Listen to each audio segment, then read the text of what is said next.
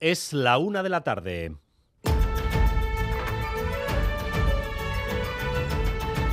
Crónica de Euskadi con Dani Álvarez. Arrachaldeón, Pedro Castro, el aita de Aymar, 24 horas después del secuestro, ha compartido el alivio de la familia aquí en Radio Euskadi. En una emotiva, muy emotiva entrevista en Boulevard, Pedro rememoraba el momento en el que el jefe de la investigación de la Archaincha les llamó para darles la buena noticia.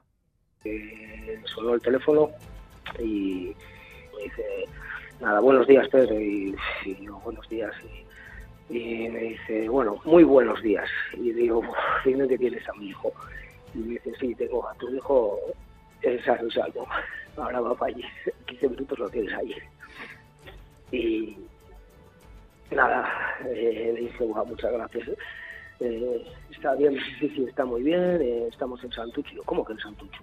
Le digo, bueno, venga, da igual, eh, tráemelo, y, En estos precisos instantes, los tres van ya camino de casa tras haber recibido el alta hospitalaria. Otra intensa mañana de radio en Boulevard, con las explicaciones además de la consejera de salud, Gochones Sagardui. Ha remarcado que se revisarán y retocarán las normas que haga falta para evitar que algo así pueda repetirse, teniendo en cuenta que los hospitales son lugares de acceso público, donde se requiere cercanía con los pacientes. Pero hay que medir ese equilibrio entre cercanía y seguridad, partiendo, insiste, de que fue un caso aislado. Creo que estamos ante un hecho excepcional, un hecho grave, evidentemente. Lo más, lo más importante para mí, que Aymar está con su aite y con su ama, que está en buena salud. Des en cuenta una ama que acaba de tener su bebé en la situación anímica en la que está, en la situación física en la que está, si solo quiere lo mejor para su bebé, como queremos los demás. No es, no es para nada una situación. Es el momento, este es el momento en el que tenemos que revisar qué es lo que ha pasado y mejorar si tenemos ámbitos de mejora. En lo que sí ha sido tajante el padre del bebé es en que no recibieron comunicación del protocolo que dice que no deben separarse nunca de él. Nadie les dijo nada. a nosotros nadie nos ha dado un protocolo ni a firmar, ni nos lo han dicho personalmente, ni nos han leído nada. A mí no me lo han dicho. Luego, cuando ha pasado, sí.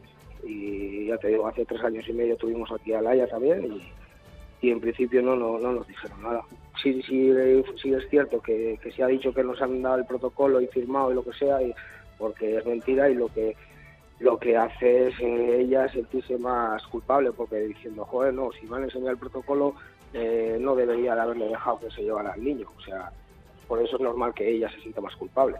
Pues a la espera de si hay que revisar algo o cambiar algo, hoy se reúne el grupo que diseñó el actual sistema de comunicación con las familias, el grupo que fijó esa norma que por la razón que sea no funcionó bien en Basurto. Sonia Hernando. Sí, acabamos de conocer que esa reunión ha finalizado y sabemos ya las conclusiones, al menos eh, provisionales. El grupo pide más tiempo y perspectiva para analizar la situación y saber si es necesario cambiar el protocolo actual. Sí han decidido, eso sí, que van a difundir de nuevo el protocolo aprobado en 2014, ese documento, seguridad en la atención al recién nacido, al conjunto de profesionales de las unidades de maternidad de Osakidecha con el fin de recordar su importancia. Lo van a distribuir a todas las unidades y hospitales del Servicio Vasco de Salud.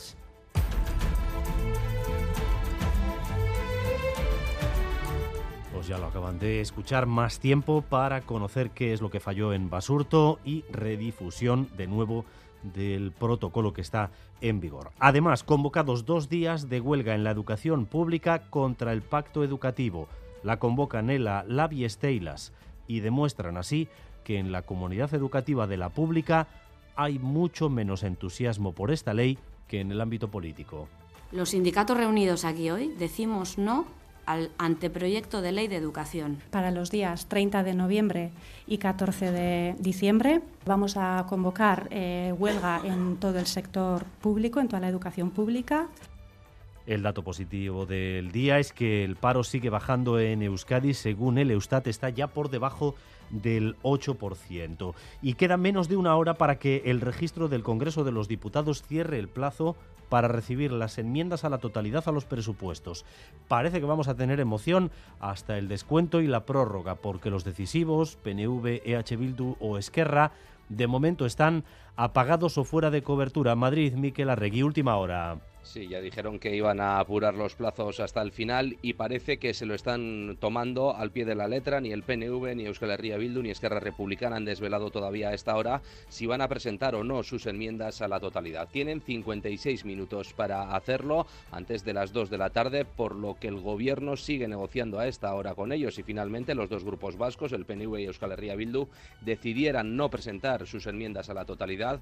El gobierno podría salvar sus cuentas aún sin el apoyo de Esquerra, pero con una mayoría muy justa de dos diputados. Situación que quieren salvar a toda costa, por lo que siguen las negociaciones. Y la carrera para llegar al 10 de Downing Street ha comenzado ya en el Reino Unido. No han pasado ni 24 horas del anuncio de la dimisión de Liz Truss y ahora la atención se centra en conocer quiénes serán los candidatos para alcanzar los 100 diputados necesarios que les respalden para poder presentarse.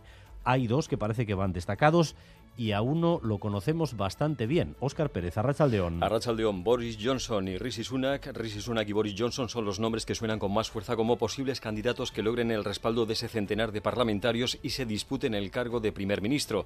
Hay medios británicos que están ya contando cuántos diputados han dicho ya que les apoyan. Sunak va el primero con 45, Johnson segundo con 31 y más alejada Penny Mordaunt con 16. Si la tendencia se mantiene, la próxima semana Sunak y Johnson podrían disputarse el puesto. Una ex primer ministro hasta hace mes y medio y quien fue su ministro de Economía, con cuya dimisión precipitó su salida. Hay parlamentarios conservadores que ya dicen públicamente que quieren que Johnson vuelva.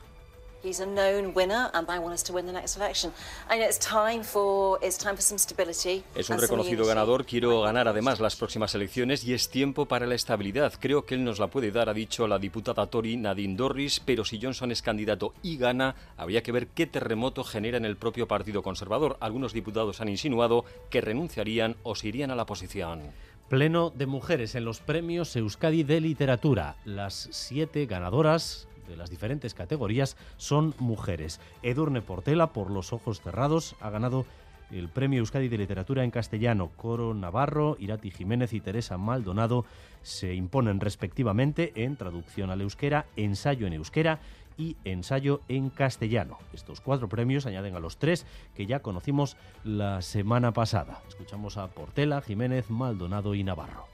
Yo creo que va a ser un año especial porque puede ser el, el principio de, de, una normalización de nuestra presencia en el ámbito cultural. Y... Eta oso posin dago emakume zinguratuta egoteagatik, eh, Roxane Gay idazle feministak esaten zuen, ez dut barkamenik eskatuko emakume esateagatik. Ondino oso harrituta nagoela, ez dut nire burua idazletzat hartzen, artikulo bat joan zena lusatzen eta nahiko urrun ailegatu da hemen gure inguruan irutze zait urte batzutarako badaukagula emakumeen nagusitasuna kulturan behintzat.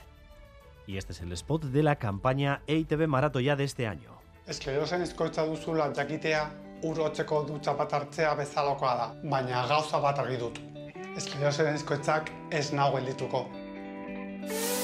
Ikerketaren alde, con protagonistas en primera persona. Así suena y así lo verán a través de los medios de EITV bajo el lema Geldie Ciñac Gara Somos Imparables. Este año, como causa, ya saben, la esclerosis múltiple, una enfermedad de origen desconocido que afecta a más de 2.600 personas en nuestro país y de la que no se conoce un tratamiento eficaz para su curación. Bustitzen Nice es el reto que se propone a la ciudadanía, mojarse por la esclerosis múltiple con la banda sonora que se repetirá una y otra vez, la de Euritan Danzan de Gatibu. Y vamos también con lo más destacado del deporte, con Álvaro Fernández Cadierno. Arrachaldeón, Álvaro. Arrachaldeón, Basconia juega esta noche de nuevo Euroliga en eh, casa, en Vitoria, ante Olympiacos, un duelo entre dos equipos que todavía no han perdido. Además, presentadas en Mundaka las Winter Series de cesta, comenzarán en Garnica el último lunes de octubre y dos protagonistas hablan ahora mismo Manuel Alguacil, técnico de la Real, y el jugador del Athletic, Yeray Álvarez. Hoy el viento sur continúa siendo el protagonista y de hecho es incómodo en algunos puntos del territorio. En el cielo siguen las nubes, sin riesgo, eso sí, de lluvia, salvo en algunos puntos de Navarra. Viento sur que está dejando de nuevo temperaturas elevadas que nos van a acompañar durante todo el fin de semana. Por eso el Departamento de Seguridad ha decidido prolongar el aviso amarillo por incendios forestales hasta el próximo domingo. 22 grados a estas horas en Bilbao, 21 en Donostia o Bayona, 18 grados de temperatura en Vitoria-Gasteiz y en Iruña. Gracias un día más por elegir Radio Euskadi y Radio Vitoria para informarse. Raúl González y José Ignacio Revuelta se encargan de la dirección técnica, a Itziber Bilbao de la coordinación. Crónica de Euskadi con Dani Álvarez.